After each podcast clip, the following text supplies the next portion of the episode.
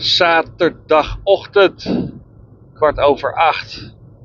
Jullie denken, wat, hoezo ga je nu een podcast opnemen?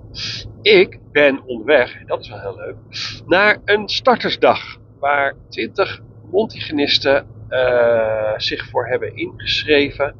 En die 20 Montigenisten die komen, ga ik vanuit, naar een startersdag. Om uh, ja, te kijken wat er allemaal moet gebeuren voor het geval ze ooit besluiten om hun eigen praktijk te beginnen. Of misschien hebben ze het al besloten, dat ga ik nog wel meemaken.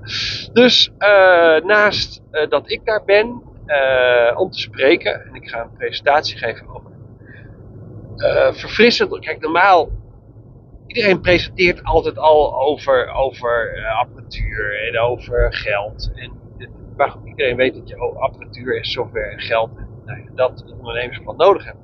Dus ik gooi het vandaag eens over een heel andere boek. Dus ik ga het vandaag hebben met name over uh, wat ze nou precies tegenhoudt uh, om een praktijk te starten. Uh, en en uh, wat ze daar kunnen doen. Nou, dus ik heb echt, ik heb een presentatie voorbereid. Ik ben er helemaal, ik ben er zelf al helemaal. Dus zelfs al vinden die 20 mensen het helemaal niks, ik ben heel blij met mijn presentatie. dus, dus die krijgen ze gewoon voor een kiezen. Dus in Utrecht. Uh, en het begint om half tien. Dus ik, uh, ik zat in de auto. En uh, nou ja, zoals de laatste vaker. En ik had inspiratie. Dus ik dacht, nou laat ik dat maar gewoon hier gaan doen. Ik had jullie beloofd. naar aanleiding van de vorige podcast. Dat er een het deel 2 zou komen. Alleen, ik, nou ja, het is niet echt een deel 2, want het is gewoon een nieuw onderwerp. Alleen, ik, ik had de inspiratie uit één gesprek voor deze twee podcasts. Maar het is nooit één gesprek wat ik voer. Het is gewoon meerdere gesprekken met meerdere vaak, uh, meestal multigenisten. En, uh, en op een gegeven moment zie ik daar een bepaald patroon in. En als ik zo'n patroon zie, denk ik van hé, hey, dat kan wel eens wat zijn om een podcast over op te nemen. Want dan, als er meerdere mensen zijn die tegen hetzelfde ding aanlopen, uh, nou, dan is het een onderwerp wat, wat in ieder geval uh, speelt. En, en, uh, en mensen misschien meer over willen weten. Nou, dat dus. Dus uh, podcast 33. En ik heb hem genoemd. Dat vond ik zelf. Dat vond ik vooral zelf heel grappig. voor iedere oplossing is een nieuw probleem. En het gaat erom. je kan hem, ik had hem ook anders kunnen noemen, daar zat ik net aan te denken. Uh, bange poeperigheid. Ik weet niet of het een woord is, maar die kwam ineens bij me op. Maar het, gaat er, uh, het komt erop neer dat uh, het is een beetje zo'n ja maar ding. Dus elke keer als iemand iets zegt, dan zeg jij ja maar. Dat doen mijn kinderen af en toe ook. Dan, dan kom je met een oplossing en dan volgt er een ja maar. En dan hebben we weer een nieuw probleem. En dan los je dat op en dan komt er weer een ja maar. En nou ja, zo gaat het eigenlijk door. Daar gaat deze podcast vandaag over. Want er zijn toch best een hoop mensen die zichzelf, uh, nou ja, eigenlijk wel een beetje saboteren in hun eigen plannen. En, en, en ik weet, snap heel goed. Het komt gewoon vooruit, uh, voort uit angst. Omdat het gewoon, uh, ja, een, een behoorlijk uh, ingrijpend ding is. dus ik snap ook dat je gewoon twijfelt. Maar ik, ik, ik vraag me dan altijd af, is die twijfel niet gewoon aan jezelf? En is dat niet iets waar je dan aan kan werken? Want ik zie meestal de twijfel niet. En daar hebben we het dan ook over. En ondertussen, als je denkt, wat gaat het geluid op en neer? Nou, dat, ik zal je vertellen hoe ik erbij zit. Even, ja, sorry, we moeten weer een zijweggetje.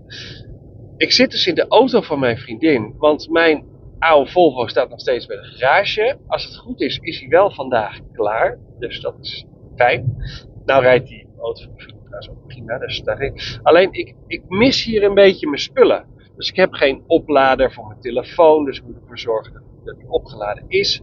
Uh, ik heb uh, het dingetje waar ik normaal mijn podcast mee opneem, het microfoontje, dat heb ik vandaag uh, niet bij me, want die ligt ook nog in mijn andere auto. Dus ik heb nu gewoon weer ouderwets een kabeltje aan, mijn, aan mijn telefoon zitten op te nemen.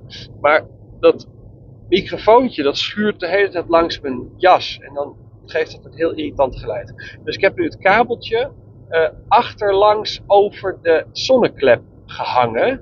Waardoor het microfoontje vlak naast mijn mond zit.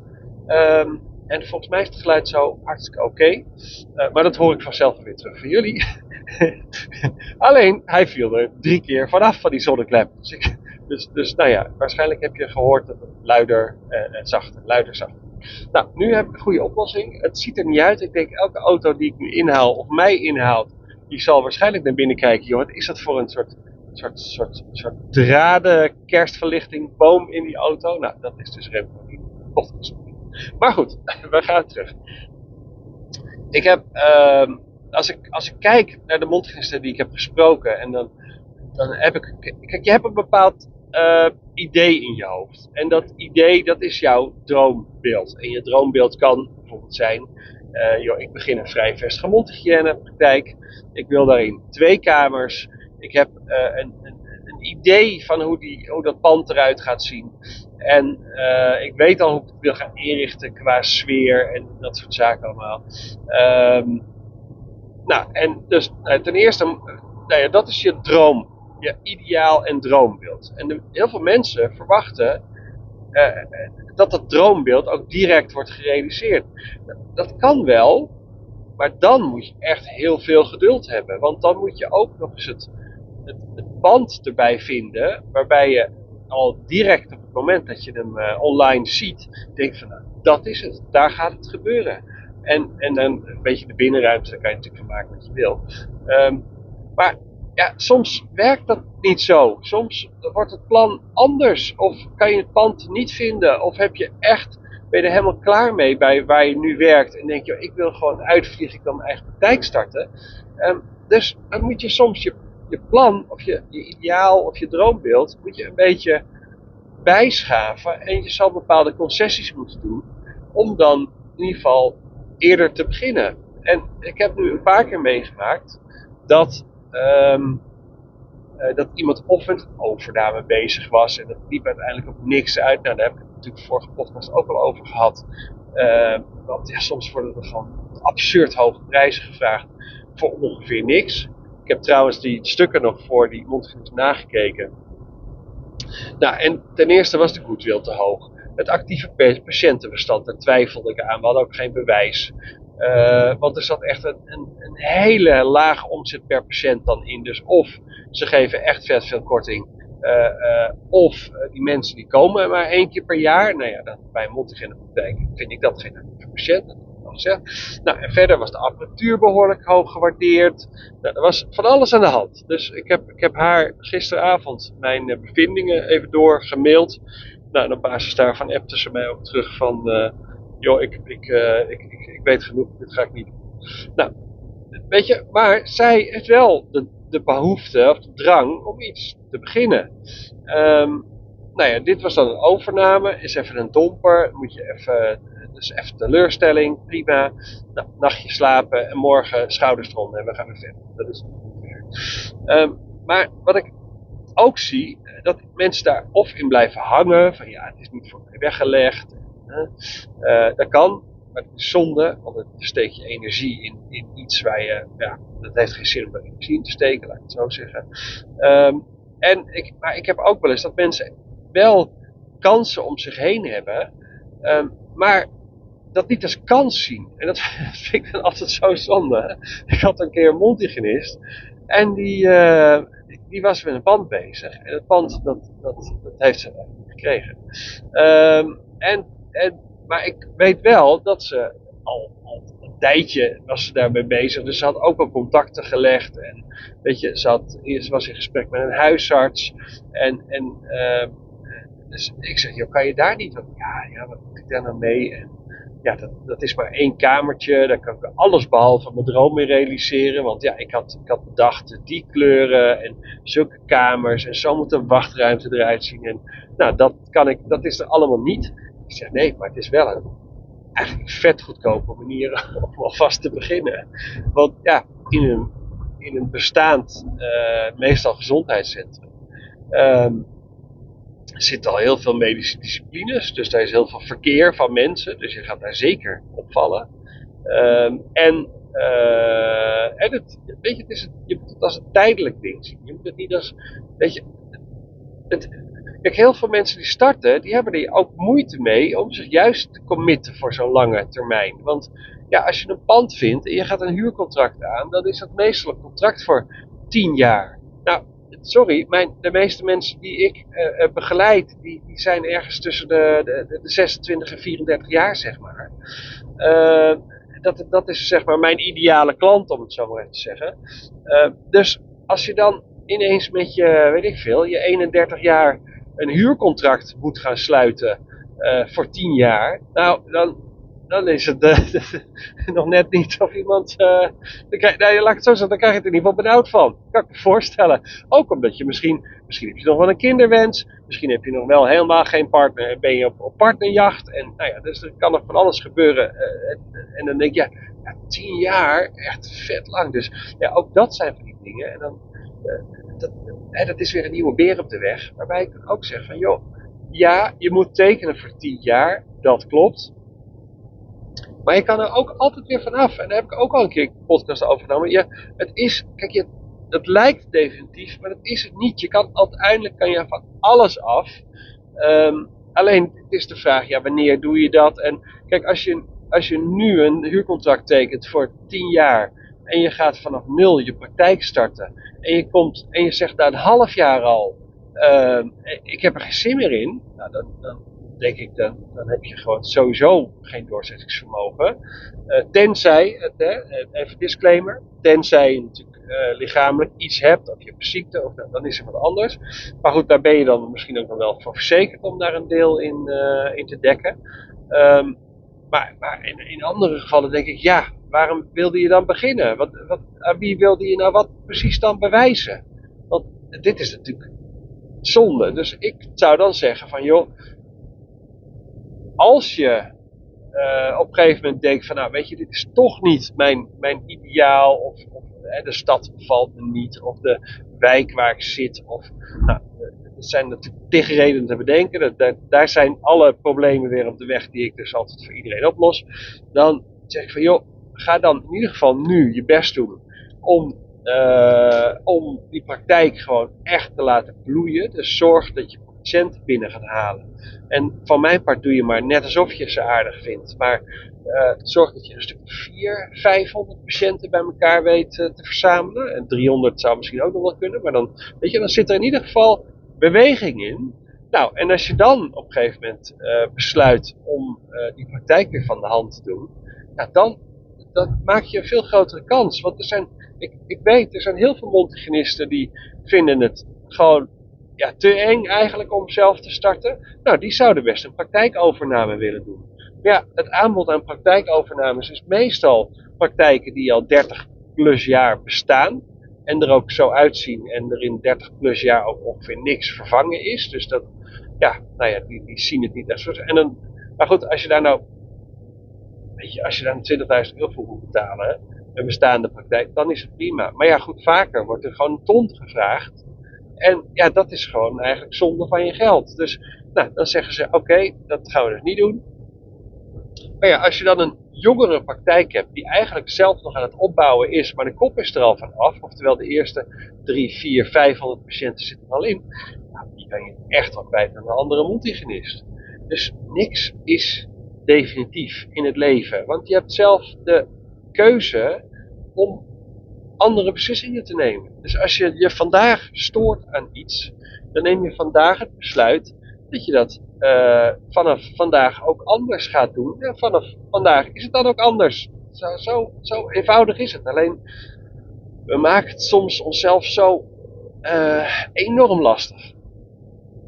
Dus ik heb, ik, ik heb geregeld gesprekken en dan zeg ik, ja maar Oh ja, oké. oké. Overname gaat niet door. Hé, hey, maar je, had toch, uh, je was toch in gesprek met een huis?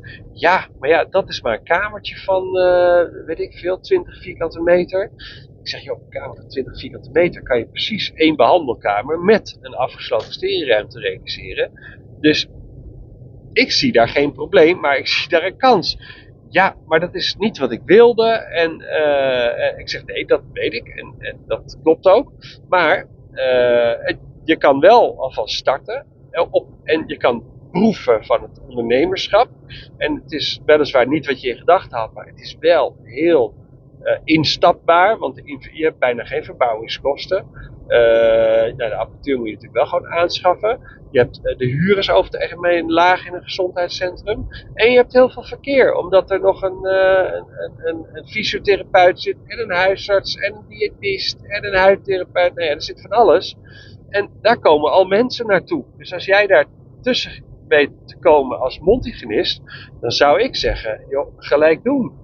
Uh, nou, en je kan altijd later nog besluiten om een, uh, uh, of je praktijk vanuit het gezondheidscentrum dan te verhuizen naar een nieuwe locatie, of je houdt die praktijk lekker aan in je gezondheidscentrum en je begint gewoon een tweede locatie in de buurt. Dat kan ook. Uh, dus, maar ik, ik, merk altijd heel sterk dat ja, maar uh, hoe zit dat dan? Maar ik zie daar dan weer van. En dat, en die huurprijs is te hoog. En, nou, dus ik zeg, ja, als de huurprijs te hoog is, dan moet je dus vragen of dat omlaag kan. Of je doet zo'n voorstel. Als ik met iemand meega naar een pand, dan hangt daar ook een bepaalde huurprijs mee samen. Maar omdat we, we, het plan is om daar langer te blijven zitten, ga je natuurlijk wel proberen om de huurprijs omlaag te krijgen. Dus je gaat kijken van, joh, ik, ik ben bereid om daar vijf jaar of tien jaar of nou, in een gezondheidscentrum soms drie jaar te blijven. Dan zeg je, joh, ik, maar ik vind die huurprijs gewoon te hoog. Ik stel voor dat we hem verlagen met ik, 20% Ja, en op die manier ga je ook daar je onderhandeling aan. En bij een, bij een als je dus inderdaad vanaf nul begint, ja, dan eh, probeer je in ieder geval in te zetten op een lage huur. Maar je probeert ook, juist dat je nog fors moet verbouwen, om de eerste twee à drie maanden gewoon geen huur te hoeven betalen. Want dan heb je tenminste even rust tijdens je, uh, tijdens je verbouwing. En dan heb je niet gelijk bakken met kosten voor je kiezen. Nou, en zo, maar de, weet je, als je het niet vraagt, dan ga je het zeker niet krijgen. En dan krijg je weer zo'n cliché van, oh ja, de brutalen hebben de hele wereld. Uh, ja, dat is wel zo. En heel eerlijk, ik ben ook geen brutale. Ja, ik, nou ja, ik ben een beetje eigenwijs. Dat is het vooral. Maar ik, ik heb wel geleerd om gewoon te vragen. Als er iets niet duidelijk is, of iemand gebruikt uh, bepaald jargon dat ik niet begrijp, dat heb ik nog wel eens bij een bank, of, of ergens anders, dan komen er allerlei vaktermen over de bühne. En dan denk ik, moet ik dat als leek, dat dan begrijpen? Dus een, wat bedoel je daarmee?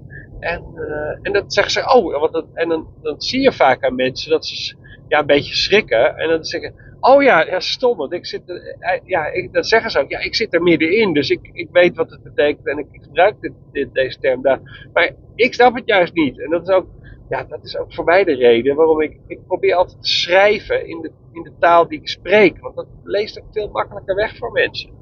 En dus, dus vraag, je moet altijd blijven vragen. En ik heb heel vaak, dat, dan zat ik in een, in een presentatie van iemand, of, of, nou ja, nog bij mijn oude werkgever, dan hadden we weer een of andere meeting met heel veel mensen en dan kwam er weer een, een lading met informatie op ons af. En, maar dan sommige dingen die, die waren gewoon niet duidelijk voor me. En dan dacht ik van ja, ik kan niks zeggen, maar dan is het daarna ook nog niet duidelijk.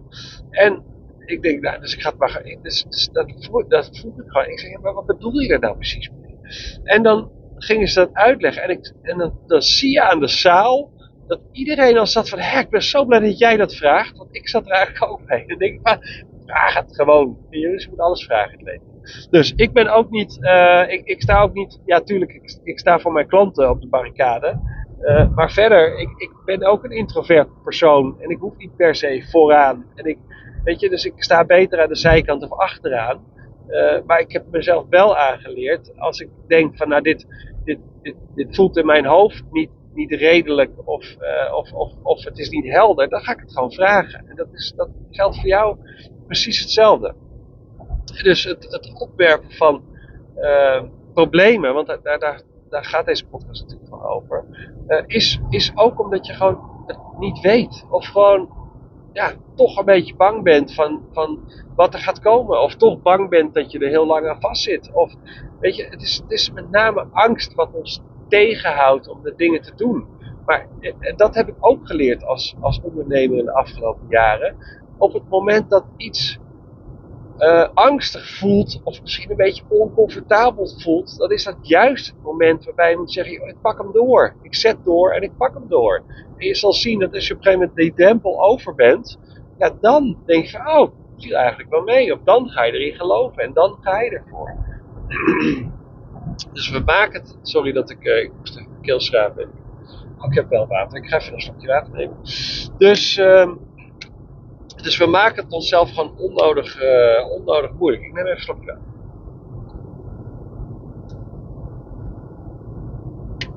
Echt, je krijgt alles live van me mee, zoals je inmiddels weet. Dus ook slokjes water. Maar ik zat zo te ummen, dat ik dacht van, nou, dat is echt super irritant voor mij.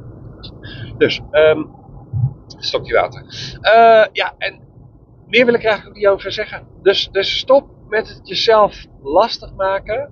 Uh, ga bij elk probleem wat je ziet, jezelf eens afvragen: is dit nou echt een probleem? En waarom is het een probleem? Omdat het. Kijk, als je. Uh, als je vandaag iets nieuws aanschaft en je zet het neer en dan breekt het pootje af, dan is dat nou ja, dan is dat wel een probleem, maar dat, dat is oplosbaar. En dat is een heel klein dingetje natuurlijk. Maar goed, als je met je auto ergens staat en je, en je wil wegrijden en je wielen zijn gejat, dan, dan is het ook een probleem.